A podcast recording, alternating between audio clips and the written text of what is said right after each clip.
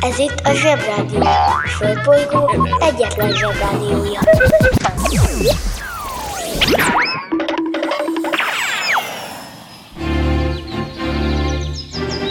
Zsebrádió! A következő műsorszám meghallgatása csak 12 éven aluli gyermekfelügyelete mellett ajánlott. Hello, bello, kedves Zsebrádió hallgatók! Ez itt a Zsebrádió március 21-i adása. Lemegyek az oviba, suliba. Mindig a mamám hoz a buliba. De mikor a papa hoz a tutiba. Rendszeresen csemmegézünk sütiba. Megérkezünk, csekkolom a jellemet. Búcsúzáskor mindig van a jelenet. Hátöltözés, benti cipő, ölelés. Bemegyek és kezdődik a nevelés. Reggelente én vagyok a csoda lény. Cuki-muki odaadott ünnemény. A felnőtteket tenyeremből letettem. Így lesz nekem sima ügy az egyetem Láttam a barbit egy világos kiklovon Hogy Póni volt vagy szamár, eskü nem tudom Az oviban napos, a suliban meg hetes. Az ebéd az ugyanaz, de kilötyög a leves. Vége az ovinak, a mama megvárat. Biztos, hogy megment a mancsőrjára. Mi volt a házi? Nem emlékszem. Mit tenne ilyenkor? Tűzoltó szem? Napközi külön orra szabad idő Húszosabb, melegítő tornacipő. Én, a Lozi, meg a Gyüli, meg a Bélus. Heti kettőt maladunk, mert váll a logopédus. Van akinek bocska, másoknak meg Balázs. Nekem minden reggel a zsebrádió a varázs. Milyen kit a pálya, mindenkinek ácsi Minket hallgat minden gyerek, s minden néri bácsi. Van akinek bocska, másoknak meg Balázs. Nekem minden reggel a zsebrádió a varázs. Milyen kit a pálya, mindenkinek ácsi Minket hallgat minden gyerek, s minden néri bácsi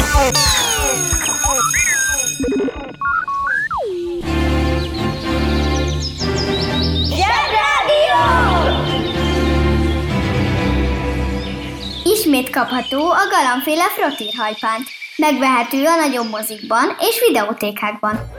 Van egy csomó ember, akit nem érdekelnek a politikai választások. Azt mondják, hagyjanak engem békén, ne kelljen már nekem választani. De arról elfeledkeznek, hogy mindenki, mondom, mindenki folyton választásokra van kényszerítve. Gondoltam már erre? Mióta csak megszületünk, választanunk kell. Jobb cici vagy bal cici? Itt kezdődik. Aztán melyik zoknit akarjam, a kéket vagy a pirosat? Szeretem-e azt a zöld izét, vagy inkább csak csoki-csoki-csoki? Melyik gyerekkel barátkozzak az oviban, aztán a suliban? Megtanuljam a leckét, vagy inkább Minecraftozzak egész nap? Az életünk egészen a végéig döntések sorozatából áll. Figyelj, egy nap egy átlagos felnőtt agya 35 ezer, lassabban mondom, 35 ezer döntést hoz meg. Naponta. Hát eldobom az ogyi velőmet. Akár eldobod, akár nem, akkor is választanod kell. Hihetetlen szám, mi? Nem is hiszed el? Na, vegyünk sorra egy reggelt. Megszólal az ébresztő. Felébredsz. Rögtön jön egy döntés. Ásít csak egyet, vagy ne. Kinyissam a szemem? Mert akkor már az anyu is tudja, hogy ébren vagyok. Vagy inkább ne. Inkább az oldalamra forduljak? Melyik oldalamra? Bal vagy jobb? Magamra húzzam a takarót, vagy ne? Viszket a feneken, megvakarjam, vagy ne? Ha megvakarom, melyik kezemmel? Mind a két szemem nyissam ki, vagy csak az egyiket, a balt vagy a jobbat? Vagy mind a kettőt? Akarok én ma suliba menni? Igen vagy nem? Ha nem, akkor dönthetek úgy, hogy nem kelek fel. Eljátszhatom anyunak, hogy beteg vagyok. Na de mi legyen a betegségem? Fogfájás? Fejfájás? Hány inger? Ez már több mint tíz választás, és még egy perc sem telt el. És még ki sem keltünk az ágyból. Most már ugorjunk a témában, kérem. Ma ez a téma, úgyhogy nem ugrálunk. Az egész életünk választások és döntések sorozata. És minden választásunknak és döntésünknek következménye van.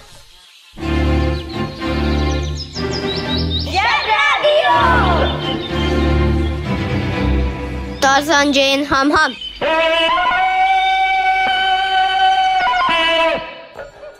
Azt mondom a fiaimnak, hogy na, elmegyünk fagyizni. de kilenc fagyizó van a környékünkön. Jó helyen lakunk. Melyikbe menjünk? Mivel már mindegyiket kipróbáltuk, oda megyünk, ahol a kedvenc fagyink van. Na de ma melyik a kedvenc fagyink? Simi mindig ugyanazt kéri. A Matyi viszont kíváncsi, és szeret újakat kipróbálni. Elkezdődik egy vita, de mivel én vagyok az apukájuk, az lesz, amit én mondok, tehát a menő fagyizóba megyünk, ahol ugyan lehet, hogy hosszabb a sor, de különlegesebb a fagyi. Simi beront, köszön, kéri a kedvencét édes töltsérben cukorszórással. Matyi viszont gondolkodik, mert nagy a választék. Bodzás citromot már evett, az finom. De mellette a levendulás citromnak menőbb a neve, de csak két gombócot kaphat, és tuti, hogy vaníliást kér, mert azt imádja. Mi lesz, ha a levendulásat kéri, és az nem finom? Akkor ma lemarad a bodzásról, amiről viszont tudja, hogy finom. De lehet, hogy a levendulás finomabb, de ha nem azt kéri, akkor ez soha nem derül ki. Vagy maximum csak holnap. Nehéz döntés. Ekkor persze én, az apukájuk, bölcsen rendelek magamnak bodzás citromot, biztos, ami biztos, hogyha nem jön be a Matyinak a levendulás, akkor ott legyen a biztonságos nyalás nálam. A banja, maharadja, halandja? Fura felnőttek, még furább mondásai. Átvágja a Gordiuszi csomót.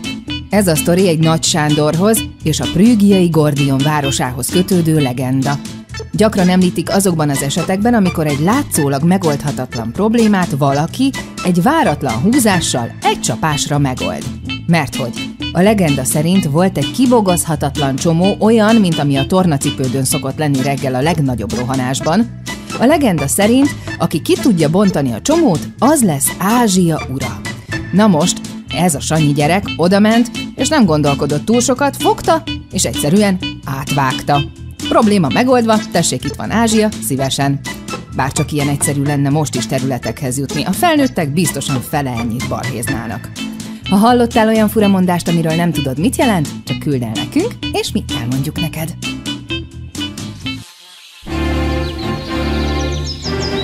Zsebrádió! Zsebrádió. Itt a Földön és külföldön. Lehet, hogy sok francia ember reggelenként egy irányba fordítja az arcát, és ők fújják a passzát Hm, nem tudom, nem értek a meteorológiához. Az viszont biztos, hogy egy spanyol képzőművész nevezett Pablo Picasso áthurcolkodott Franciaországban. Szerintem azért, mert elege lett abból, hogy mikor Spanyolországban valakinek be kellett mutatkoznia, akkor ezt kellett mondania. Pablo Diego José Francisco de Paula Juan Nepomuceno María de los Remedios Cipriano de la Santissima Trinidad Ruiz y Picasso, mert hogy ez volt a neve. Nem is értem, mire gondoltak a szülei. Mikor volt egyáltalán a névnapja? Na mindegy. Engedelmetekkel most nem megyek bele abba, hogy a festőként tevékenykedő Picasso-nak volt kék korszaka, meg rózsaszín korszaka, meg analitikus kubizmus korszaka, mert ettől egy idő után megfájdul az ember feneke. Maradjunk abban, hogy épp világhírű festőnek készült, így utólag visszanézve elmondhatjuk, hogy sikerült is neki, mikor 1911-ben a Louvre nevű múzeumból valaki ellopta a furcsán mosolygó hölgyről készült festményt, a Monalizát. Egy közepesen nagy összegben fogadnék rá, hogy a világ bizonyos tájain, főleg ahol a franciák úgynevezett gyarmati tevékenységet folytattak, ott bizony úgy tekintenek a Louvre, mint a hely, ahol a tőlük lenyúlt értéktárgyakat őrzik előre nem tisztázott ideig. Így gondolta ezt egy olasz biztonsági őr is, de ne szaladjunk előre. Na szóval, immáron másodszorra tűnik el a Mona Lisa a Louvre-ból. Először Napóleon vitte el, mert lakatos márki stylist azt javasolta, hogy a hálószobának jó tenne egy Mona Lisa, úgyis olyan rémes a tapéta. Nyilván az eredeti lenne csak jó, mondta a stylist, mert egy offset nyomat kifejezetten rontaná a feng shui-t, ráadásul az ágy meg pont vízéren van, adjuk is, kár a szóért, csak az eredeti jó. ennek az eltűnésnek legalább volt leltári száma, meg átvételi elismervénye, szóval nem volt akkora para. Egy kis kitérő. Szerintetek van köze a paraszónak a parasuthoz, vagyis az ejtőernyőhöz? Logikus lenne. Ha esetleg utána nézel, írd meg nekem a Zsebrádió Facebook oldalán, üzenőfalon vagy messengeren, ahogy tetszik.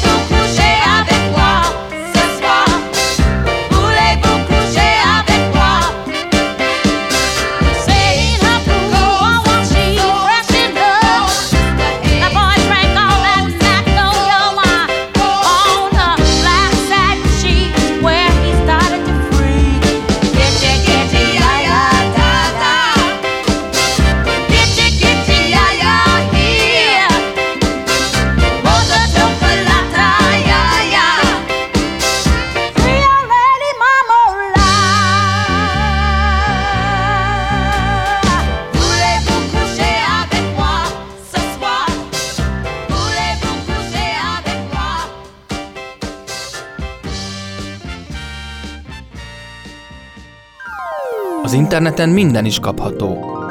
Vásároljon citerát!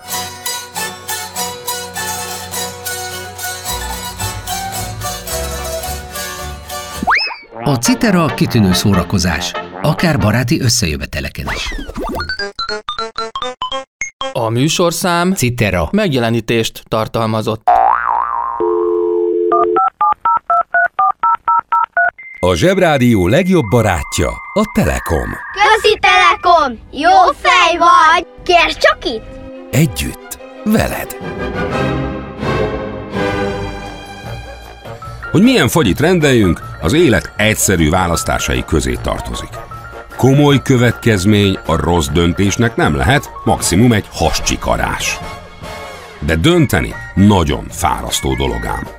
Rengeteg időt elvesz a napunkból. És vannak fontos, meg nem fontos döntések. Persze egy kislánynak borzasztó fontos, hogy hogyan legyen megfésülve a haja, melyik hajcsat legyen benne, a katicás vagy a pónis, piros szoknya vagy nadrág, rózsaszín szandál vagy fekete lakcipő. Egy fiúnak lehet, hogy mindegy, melyik gatya van rajta, lehet piszkos is, meg lukas, de azt tuti, hogy a cipő, amiben menni fog, az menő kell legyen, és kényelmes, mert a szünetben focizni kell benne. De ha sokat vacilálunk ezeken, akkor borzasztó sokáig tart elindulni, és apu már veszekszik, mert elkésik a munkából. Képzeljétek el, meg lehet válogatni, hogy melyik választások fontosak igazán. Például Barack Obama, aki Amerika legmenőbb elnöke volt, minden nap egy ugyanolyan öltözékbe jelent meg. Egyszer az elnökség elején kiválasztotta, hogy mi áll neki jól és miben a legkényelmesebb lenni, aztán ezzel a kérdéssel többet nem foglalkozott. Mert annyi nagyon fontos döntést kellett meghoznia minden nap, hogy az idejét és az erejét inkább arra tartogatta, hogy hogyan jusson minden amerikai gyereknek jó iskolai kaja, és a betegeknek ingyenes legyen az orvosi ellátás, mint hogy azt analizálta volna órákig, hogy a lila vagy a baba kék kisnadrágot vegye fel, mikor az angol királynővel találkozik. És most kapcsoljuk az okostelefon. Analizál. Az analizál szó azt jelenti, hogy valaki a dolgokat részekre bontja, vagyis elemzi. Például túl sokat gondolkodik a dolgok okain. De jelentheti azt is, hogy részletesen értékel, például egy műtárgyat. De analizálhatunk például egy anyagot is, vagy egy ételt is, hogy miből van. De ki lehet analizálni egy embert is, hogy mi az oka a lelki betegségének. Nekem azonban nincs ilyen. Engem csak ne analizáljon senki.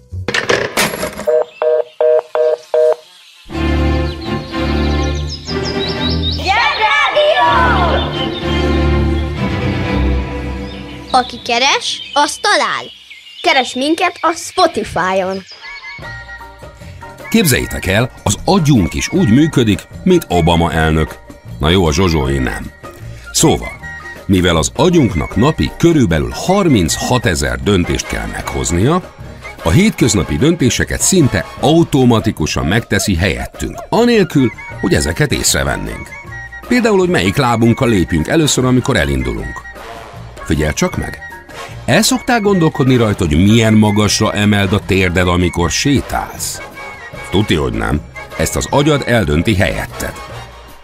Azt mondja az agyad, hogy mennyire kell ennek a gyereknek a sarkát felemelni, hogy ne botoljon el. Ezt az agyad, miközben szaladsz a labdáért, eldönti helyetted. Mert ha minden ilyen döntést végig kellene gondolnunk, akkor ki se jutnánk a lakásból estig. Szóval érdemes a nem fontos dolgokban bízni a saját agyunkban, és a világ megmentésére pazarolni azt a sok gondolkodást. Meg hogy melyik zoknit vegyük fel.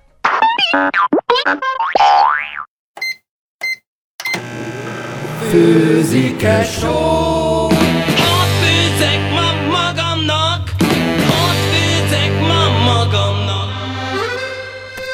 Háromféle kaja van. Leves, második, finomság. A fura nevűeket meg el is magyarázzuk nektek. Mi lesz ma a kaja? Minyom! Minyom? Ez nem az, amit a majom kinyom. Ez valójában egy véletlen egybeesés, amit gróminyonjai előtt fedeztek fel francia élelmiszeripari tudósok. Ez egy apró édes finomság, ami nagyon sokféle ízben létezik, és el a kezekkel, mert a citromos az az enyém. Ja, akkor nem kérek.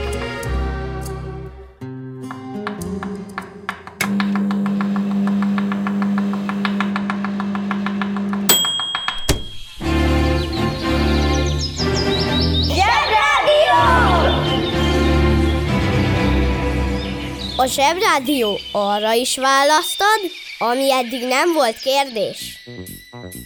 Különös dolognak tartom, hogy nincsenek például olyan köztéri szobrok, vagy az épületek oldalán olyan domborművek, amik azt ábrázolják, hogy a nagy elődeink, meg az uralkodók, vagy a költők, meg a hadvezérek éppen elhozzák a gyereküket az oviból, vagy a suliból, mert szerintem azért érdekes lenne Napóleon abban a háromszöglekű kalapkájában, egy babakocsival, amikor kifli véget a kis második Napóleonnak, vagy egy olyan szobor, vagy festmény, amikor Mátyás király megérkezik, persze mögötte fekete sereggel, például a ritmikus sportgimnasztika edzése, hogy a, elhozza a kis Mátyás királylányt. Na, ma ez az első jó hír, amit hallottam. Sajnos a helyzet az, hogy mostanában ezek a köztéri szobrok, meg a képek, meg a festmények, meg a fotók elég unalmasak, mert általában azt ábrázolják, hogy egy kabátos illető valahova mutat, vagy kezet fog, vagy mosolyog.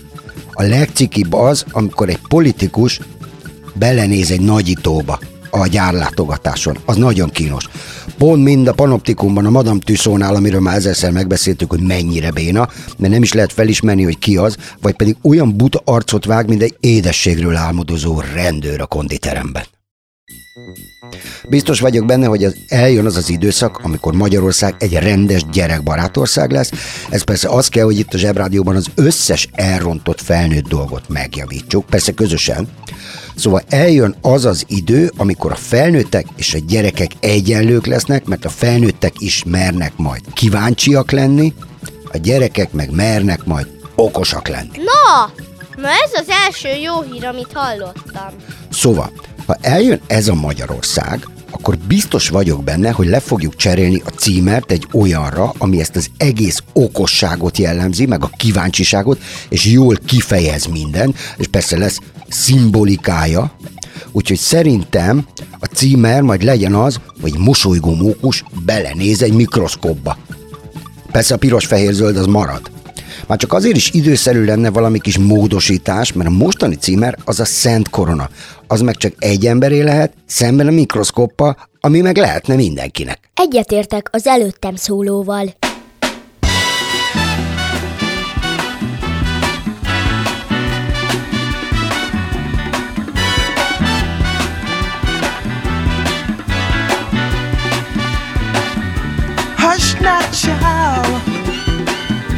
And don't cry.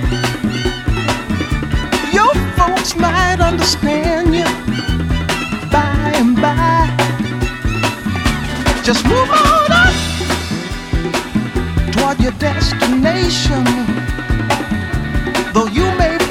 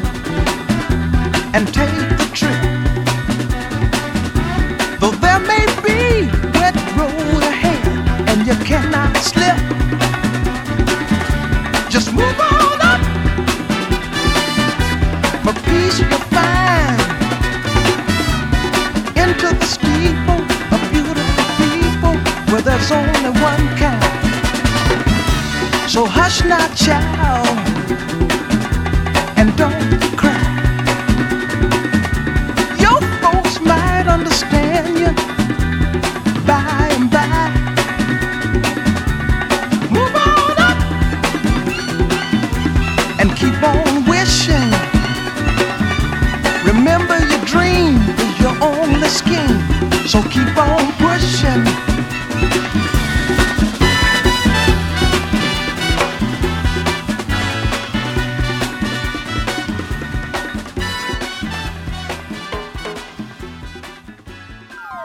Az interneten minden is kapható. Vásároljon őszapót.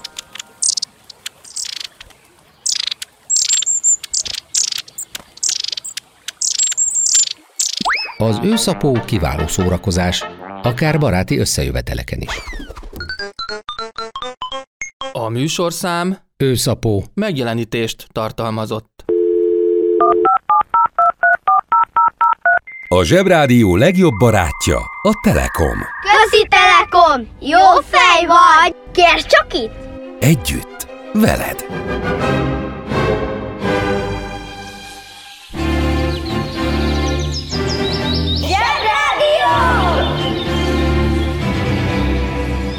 És most jöjjön egy csipet ész. Nuboknak és próknak. Ha lett volna 1911-ben CNN, akkor egy riadt tekintetű riporter ott állt volna a Louvre előtt és felháborodottan közli az emberiséggel, hogy eltűnt a kép. Már megint. Pedig Napóleon ott se volt.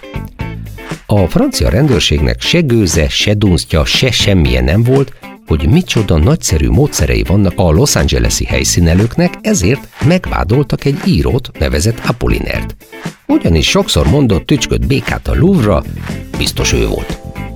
Még börtönbe is zárták, hát ha eszébe jut, amit a francia nyomozók kitaláltak róla.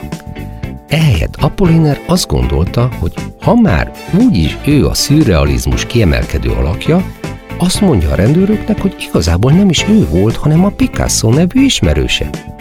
Mire a rendőrök mondták is, hogy aha, kék korszak, rózsaszín korszak, eleve gyanús. Szegény picasso jól megizzasztották, de sehol sem találtak kék meg rózsaszín új lenyomatokat, így hát elengedték. Csak két év múlva derült ki, hogy egy olasz teremőr volt a tettes, aki Olaszországba vitte a festményt, mert szerinte onnan lopta el egy Napóleon nevű egyén. Ő csak visszalopta a helyére.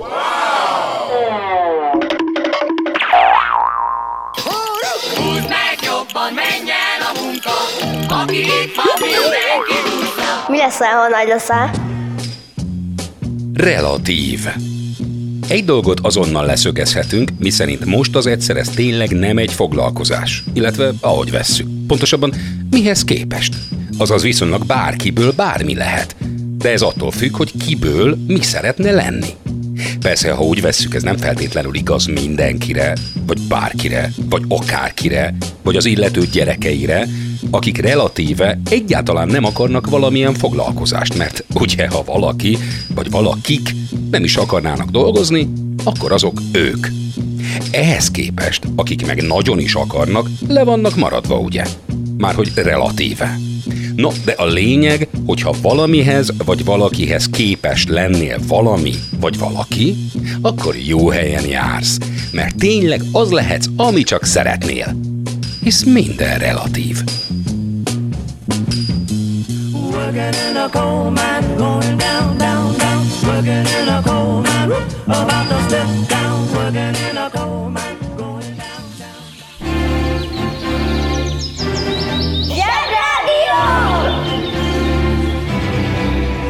Jobb csorogni, mint ücsörögni. Kiki csoda, micsoda, mit csinál és miért?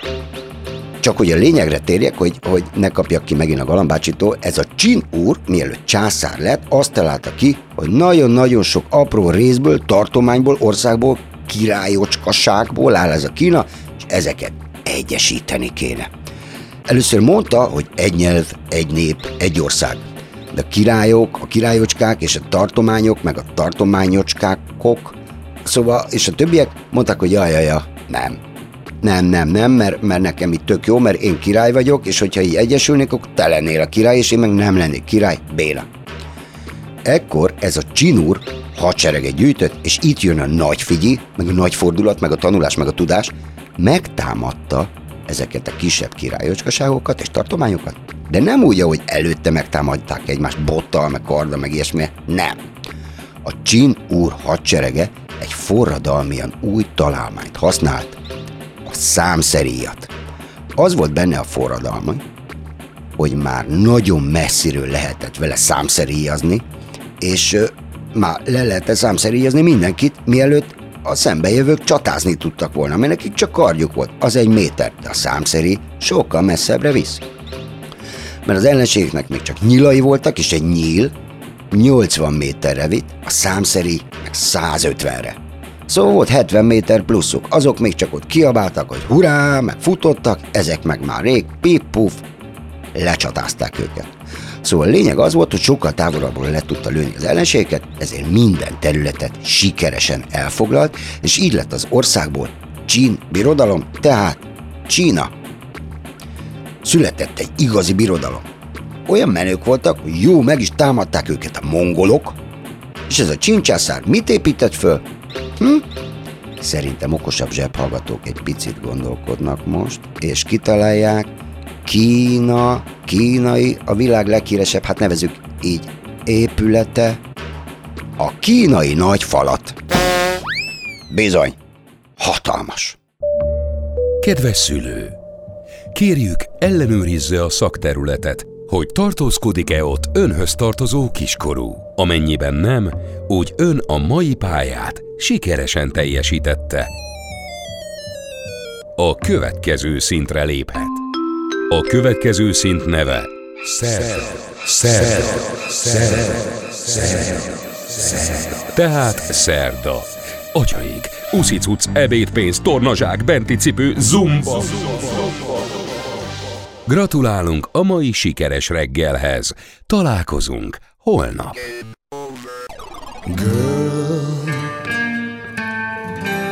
You'll be a woman soon. I love you so much, can't count all the ways I died for you, girl, and all they can say is he's not your kind. They never get tired of putting it down, and I never know when I come around what I'm gonna find.